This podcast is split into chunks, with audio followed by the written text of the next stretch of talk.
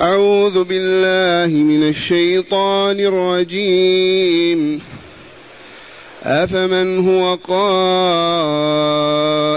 على كل نفس بما كسبت وجعلوا لله شركاء قل سموهم أم تنبئونه بما لا يعلم في الأرض أم بظاهر من القول بل زين للذين كفروا مكرهم وصدوا عن السبيل ومن يضلل الله فما له من هاد لهم عذاب في الحياة الدنيا ولعذاب الآخرة أشق.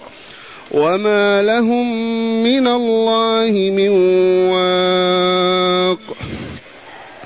مثل الجنة التي وعد المتقون تجري من تحتها الأنهار.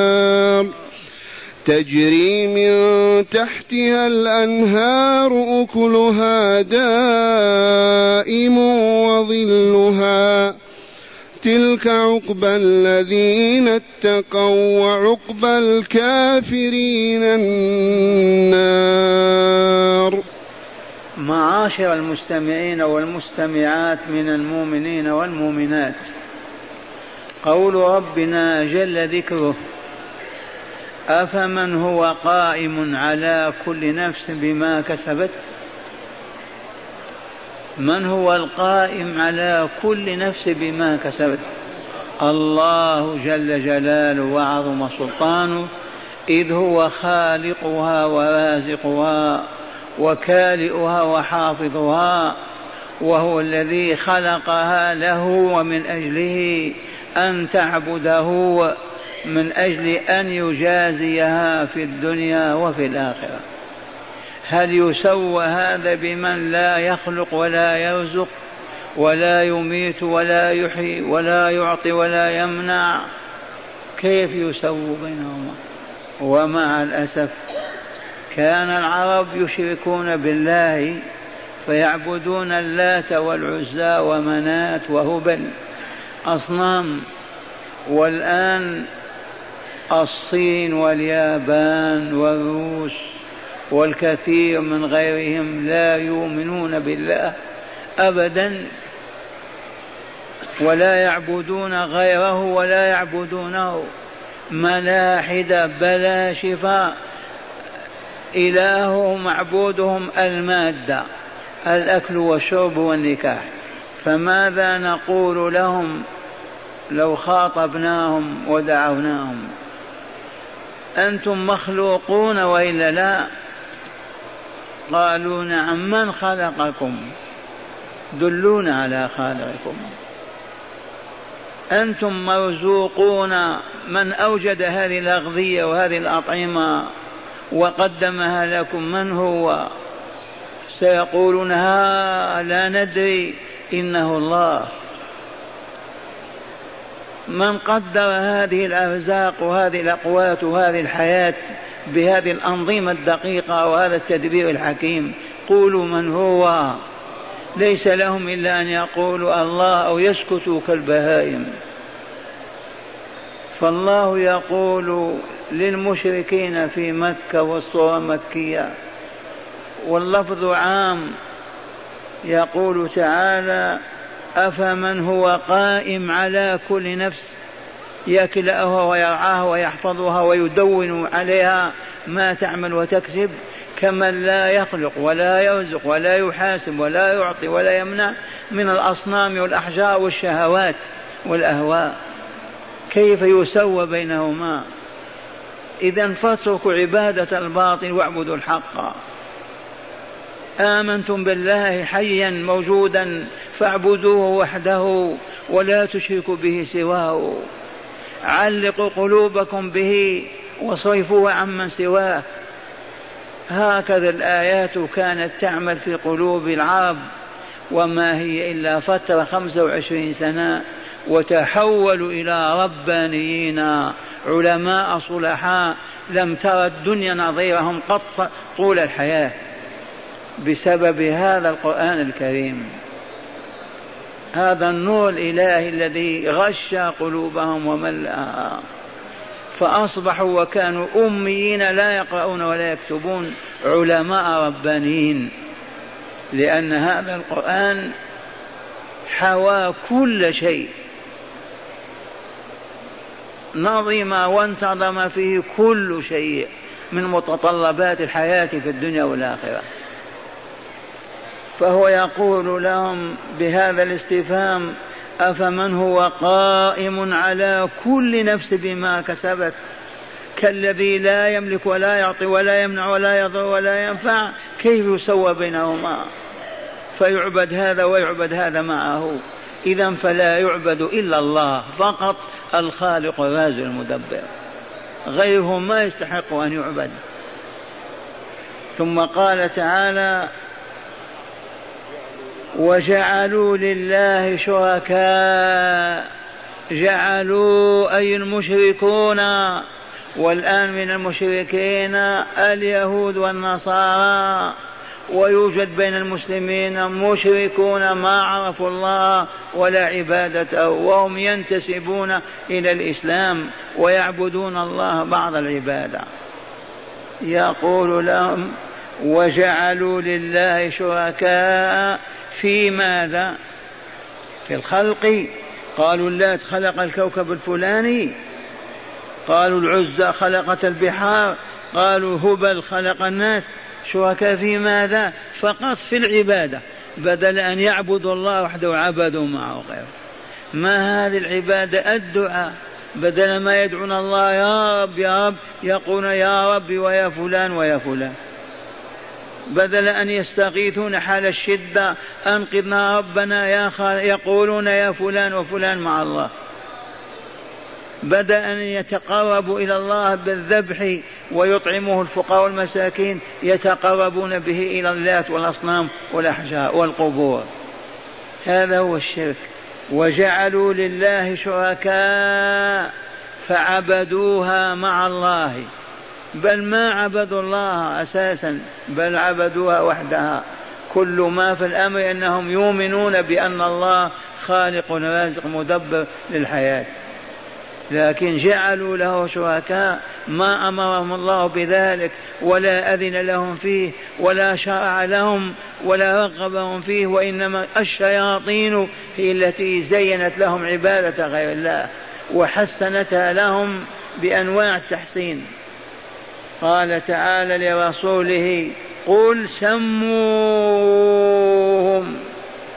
هيا سموا لنا شركاءكم هذه التي تعبدونها مع الله. فنسأل خلقت شيئا والله ولا ذبابة وهبت شيئا والله ولا قطرة ماء. كيف تعبد؟ سموها لنا هذه الآلهة. هكذا كان ينتزع الكفر والشرك من قلوب العرب ويملأها نورا وإيمانا وصلاحا. وما زال القرآن والله العظيم لو يقرأ على اليابان على الصين على الروس على الأمم كما كان الرسول يقرأه ويجمعهم عليه والله لآمنوا إلا من شاء الله. ما يبقي وسواس في الصدر أبدا بهذا التعبير. سموه ما نعرف. إذا قولوا آمنا بالله واعبدوا الله وحده. ما دام ما لكم شريك خلق أو رزق أو أعطى أو أمات أو أحياء إذا فكيف تعبدونها أو تتركون عبادة الله الخالق الرازق المحيي المميت؟ قل سمونه قل سموهم.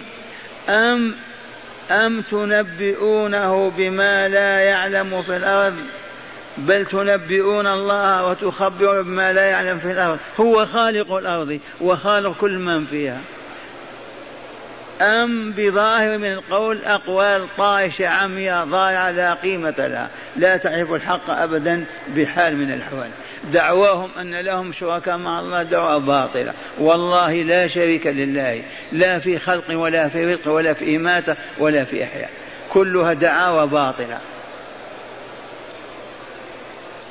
أم تنبئونه بما لا يعلم في الأرض أم بظاهر من القول فقط؟ ثم قال تعالى بل زين للذين كفروا مكرهم وصدوا عن السبيل. لأنهم فشلوا ما استطاعوا يجيبون أبدا. ماذا يقولون؟ إذا الحقيقة أنهم زين لهم أي هؤلاء الكفار مكرهم وصدوا عن السبيل. وتأملوا قوله تعالى بل زين للذين كفروا كفرهم وشركهم وباطلهم وكذبهم. من زينه لهم؟ آه قولوا في صراحة الشيطان عدو الإنسان. هو الذي زين لهم الباطل وحسن لهم البدع والخرافات وأنواع الشرك والكفر بدع وكذا وكذا وكذا حتى أبعدهم عن طريق السلام والنجاة في الدنيا والآخرة. اذا وصدوا عن ماذا؟ عن السبيل. أي سبيل؟ السبيل الطريق. صدوا عن طريق الله عن الصراط المستقيم. عن الإسلام عن عبادة الله وحده حتى لا يكملوا ولا يسعدوا في دنياهم هذه. وهل هناك من كمل وسعد في الدنيا غير ربانيين المسلمين الصالحين؟ أما الكفار والفساق والفجار والله ما عرفوا السعادة. ولا دخلت قلوبهم ما هي إلا أباطيل وله ولعب ثم يرجعون إلى الهم والكرب والحزن. كيف يسعدون؟ وصدوا عن السبيل أي عن سبيل الله. من صدهم يرحمكم الله الشياطين من الإنس والجن. شياطين الإنس أعظم من شياطين الجن. هم الذين يحملونهم على عبادة غير الله يزين لهم الشرك وأمثاله ويقبحون لهم التوحيد ويبعدونه عنهم. إلى الآن ولعل الآية تشير إلى عمرو بن لحي الذي جاء بأصنام من الشام ووزعها في هذه الجزيرة. وعبدوها جاء بها مصنوعة من الشام كانت تعبد. وهؤلاء ما كان عندهم أصنام ولا أوثان. ولما كانوا جهالا وضلالا ولا هداية وزعها في الجزيرة فقبلت وعبدوها. فكان عمرو بن الحي صادا لهم عن سبيل الله. هكذا يقول تعالى بل زين للذين كفروا مكرهم. أي مكر لهم؟ عنادهم محاربتهم للرسول والمؤمنين. مكرهم بالخروج عن الإسلام والبعد عنه بالتضليل للمسلمين كم وكانوا يضللون. وصدوا وصدوا عن عن السبيل. عرفنا السبيل الوحيد ما هو؟ صراط الله المستقيم الإسلام. ودائما نبين هذا الطريق. اسمع يا عبد الله من مقامك أنت الذي جالس الآن فيه؟ تمشي مستقيما إلى باب الجنة وهو أن تموت وأنت تشهد أن لا إله إلا الله وأن محمد رسول الله. نفسك زكية طاهرة لأنك لما مشيت في الطريق الطريق عن يمينك واجبات أوجبها الله وهي أدوات تزكية للنفس وتطهير. فأنت تعمل بها ولا تخلف واجبا منها. وعن شمالك في الطريق محرمات من شأنها تخبث النفس وتدسيها. فأنت معرض عن الشمال ومقبل عن يمينك وتمشي هكذا وإن زلت قدمك يوم سقطت. أستغفر الله لأنك تركت واجبا غفلا أو فعلت محرما. أستغفر الله وتواصل مشيك ليل نهارا. حتى تقرع باب الجنة. واقرأوا اهدنا الصراط المستقيم صراط الذين أنعمت عليهم غير المغضوب اليهود ولا الضالين النصارى. وصدوا عن السبيل ثم قال تعالى ومن يضلل الله فما له من هادي.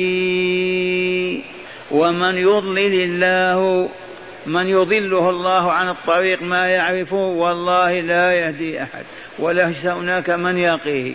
العذاب وما ينتج عن الضلال. ومن يضلل الله فما له من هادي.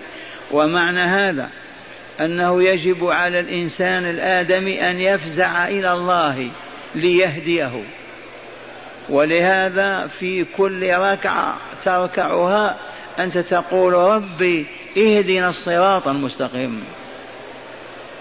اهدنا الصراط المستقيم. لو تصلي ألف ركعة في اليوم تدعوه ألف مرة. تذكرون هذا ولا لا؟ لأنه لا يهدي إلا الله. ولأن العاملين على إضلالنا وإفساد قلوبنا وتخبيث أرواحنا وصرفنا عن رضا الله لا حد لهم ولا حصر لا يعلمه إلا الله. شياطين الإنس والجن. ما يريدون للآدم أن يدخل الجنة أبدا. والقصة كما علمتم إبليس وذريته وإخوانه وأعوانه ناقمون عن المؤمنين لأنهم بسببهم دخلوا النار ولعنوا وأبلسوا فهم يعملون على أن ندخل معهم النار. والقضية قضية آدم في الجنة. لما خلق الله بيديه آدم عليه السلام ونفخ فيه من روحه ونطق وتكلم وحمد الله ثم قال للملائكة إذا أسجدوا لآدم. سجود تحية وتعظيم لا سجود عبادة. ما قال لهم اعبدوه حيوه. فسجدت الملائكة وانحنت. وإبليس أحد الملائكة رفض أن يسجد. أبى أن يسجد. أسجد. قال لا أسجد لمن خلقته من طين. هذا المخلوق خلقته من طين وأنا خلقتني من نار فكيف أسجد؟ ظنا منه أن النار أفضل من الطين وهذا خطأ وقياس باطل وفاسد. الطين أفضل وإلى النار؟ النار تحرق وتدمر كل شيء والطين ينبت العسل والفواكه والخضار والحياة. لكن قاس فأخطأ في قياسه. خلقتني من نار وخلقته من طين. قال إذا فاهبط منها فاخرج منها فإنك رجيم.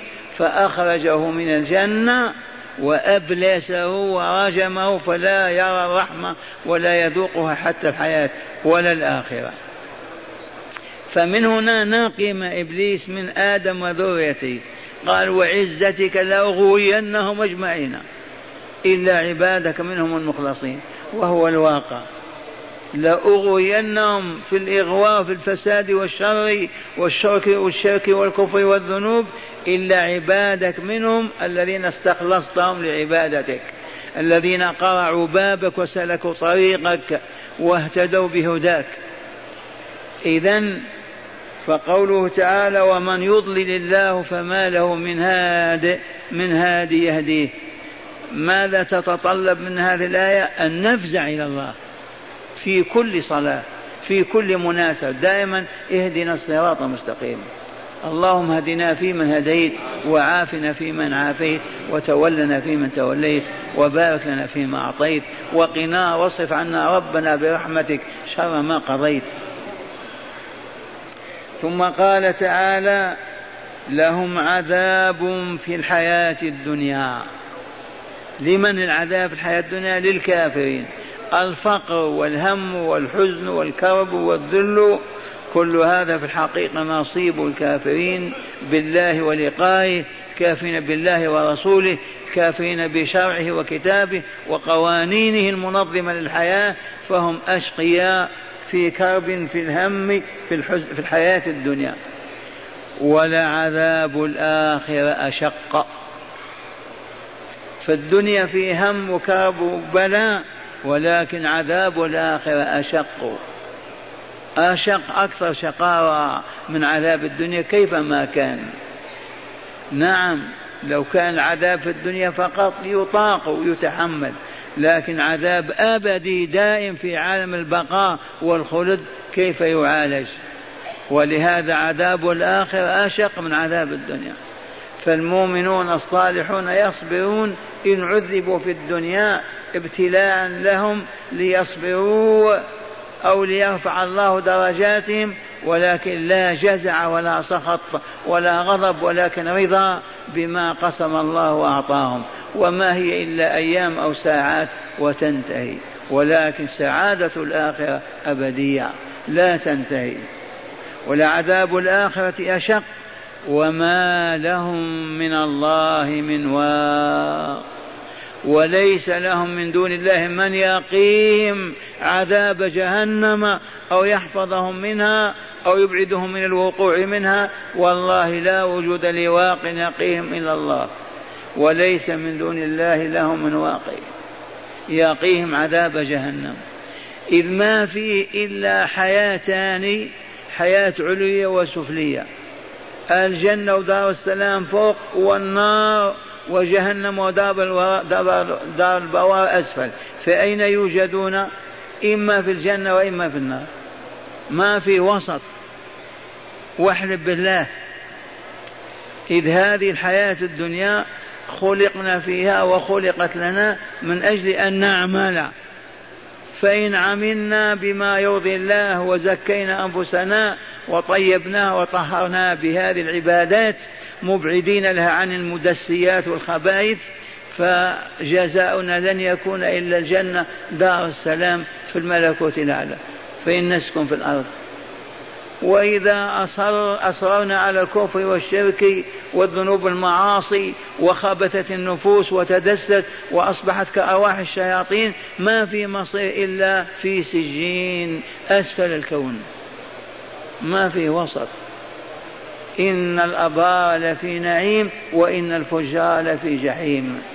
فلهذا قال تعالى ولعذاب الآخرة أشق وما لهم من الله من واق يقيم ثم قال تعالى بعدما ذكر النار وأهلها وما هيأه لهم فيها من أنواع العذاب والشقاء قال مثل الجنة. مثل الجنة صفة الجنة يا من يريد أن يعرفها ويقف عليها. والجنة هذا الاسم علم على دار السلام. دار السلام اسمها الجنة. وسميت الجنة جنة لأنها تغطي بأشجارها وزهورها وما فيها من هو فيها وتحتها. شبيهة بجنة الدنيا وبساتينها. قال مثل الجنة التي وعد من الواعد لهم؟ الله. مثل الجنة التي وعد المتقون. وعد من واعدهم؟ الله عز وجل. إذ قال غير ما مر إن الذين آمنوا وعملوا الصالحات كانت لهم جنات الفردوس نزلا خالدين فيها لا يبغون عنها حولا. إن الذين آمنوا وعملوا الصالحات لهم جنات تجري من تحتها الأنهار ذلك الفوز الكبير. وعد الله الذين آمنوا وعملوا الصالحات في آيات كثيرة الواعد هو الله والموعود به هو دار السلام الجنة. فقال تعالى مثل الجنة التي وعد من بنو هاشم؟ البيض السود قولوا من هم؟ المتقون. بيضا كانوا أو صفراء أو حمراء أو سودا عربا كانوا أو عجما فقراء أو أغنياء. اللهم اجعلنا منهم. وترغب أن تكون منهم. اتق الله عز وجل.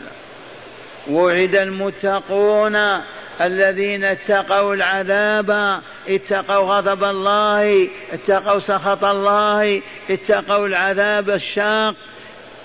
والسؤال بما اتقوه بطاعة ربهم ورسولهم صلى الله عليه وسلم.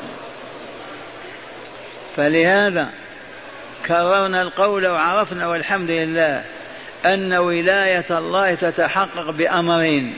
الأول الإيمان. قلنا آمنا. والأمر الثاني التقوى. ألا إن أولياء الله لا خوف عليهم ولا هم يحزنون. من هم؟ الذين آمنوا وكانوا يتقون. نحفظ هذه الآية. من أولياء الله؟ الذين آمنوا وكانوا يتقون. المؤمنون المتقون هم أولياء الله.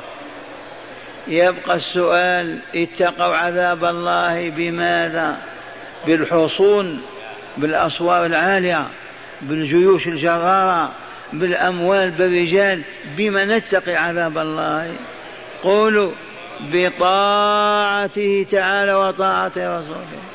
فقط من أطاع الله ورسوله فقد اتقى أي جعل بينه وبين العذاب وقاية تقيه كافية في الدنيا والآخرة. يبقى السؤال كيف نطيع الله ورسوله؟ نطيعه بأن نعرف أوامره التي أمر بها ونواهي التي نهى عنها ونفعل المأمورات ونترك المنهيات وبذلك تمت التقوى. والله ما هو إلا هذا. الإيمان حاصل. يبقى التقوى وهي العمل الصالح. كيف تتم تتم بمعرفة أوامر الله تعالى؟ في الصلاة في الزكاة في الصيام في الحج في الجهاد في الأمر بالمعروف في النهي عن المنكر في صلة الأرحام في الخير كله أوامر. وهي افعلوا يا أيها الذين آمنوا اتقوا. هذه الأوامر تقابلها النواهي لأن الذي يفعل الأمر ويرتكب المنهي كالذي يدخل الحمام يغتسل يتنظف يخرج نظيفا ويصب على جسمه البول أو الخر والله هكذا. الذي يعمل عملا صالحا يزكي نفسه ثم يعمل عملا فاسدا مثاله كما علمتم كالذي يغسل وجهه وينظفه ثم يلطخه بالخوء والحمام. فلهذا يجب أن نتوب من كل ذنب لأن التوبة عبارة تلطخ ثوبك اغسله على الفور. أنت ماشي والطريق طويل وإلا لا مسافة أربعين خمسين ستين سنة أو سبعين.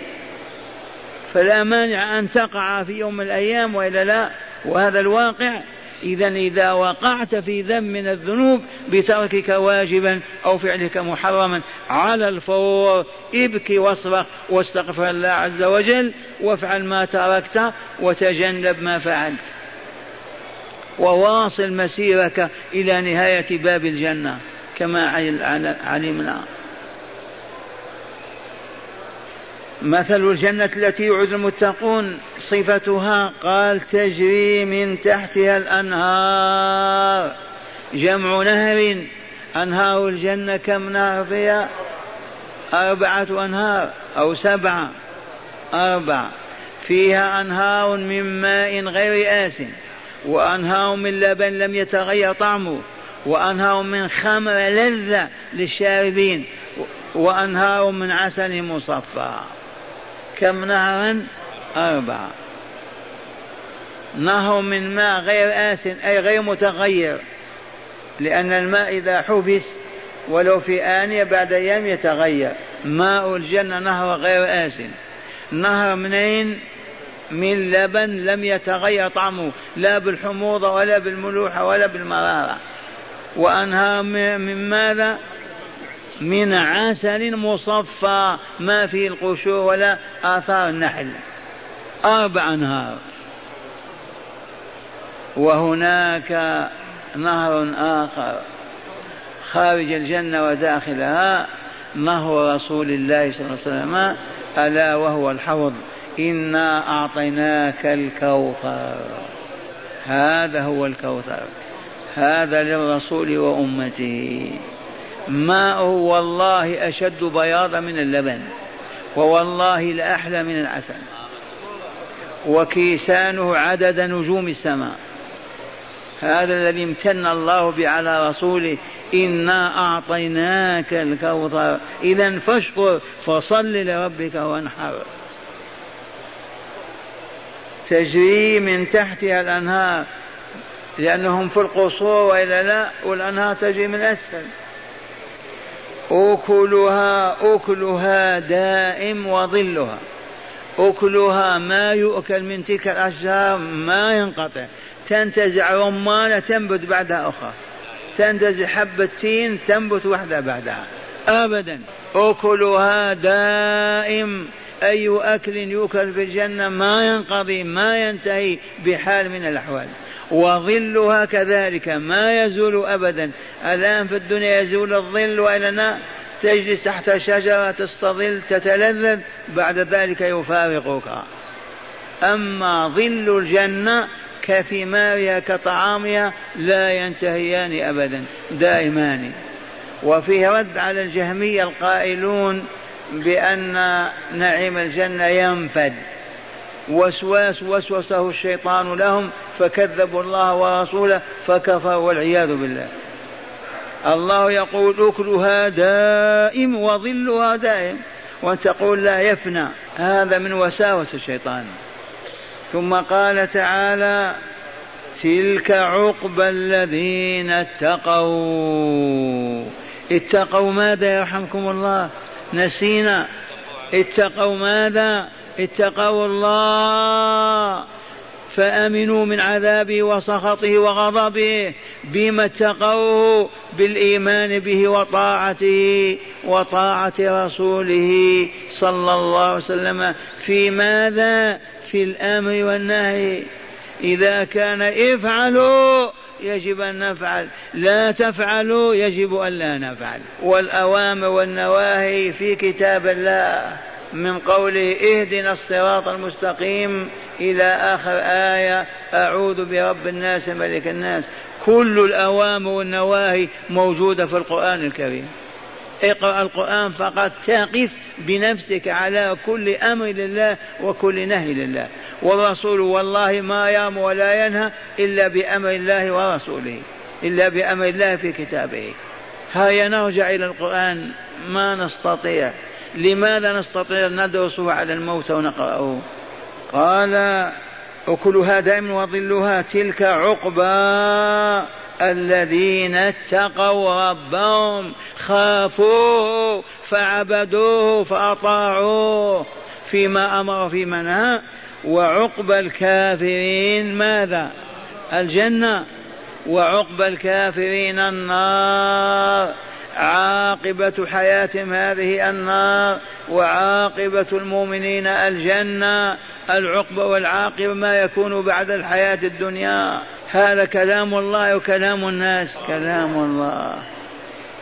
معاشر المستمعين والمستمعات علمنا أن لكل آية هداية وإلا لا؟ بل لكل كلمة كلام الله تدل على أنه لا إله إلا الله وأن محمدا رسول الله. والله العظيم. ما بيان ذلك يا شيخ؟ الجواب لما تقول قل هو الله أحد. هذه الجملة كلام من هذا؟ من القائل؟ الله. إذا موجود أو يوجد كلام بدون متكلم؟ معقول كلام بدون متكلم؟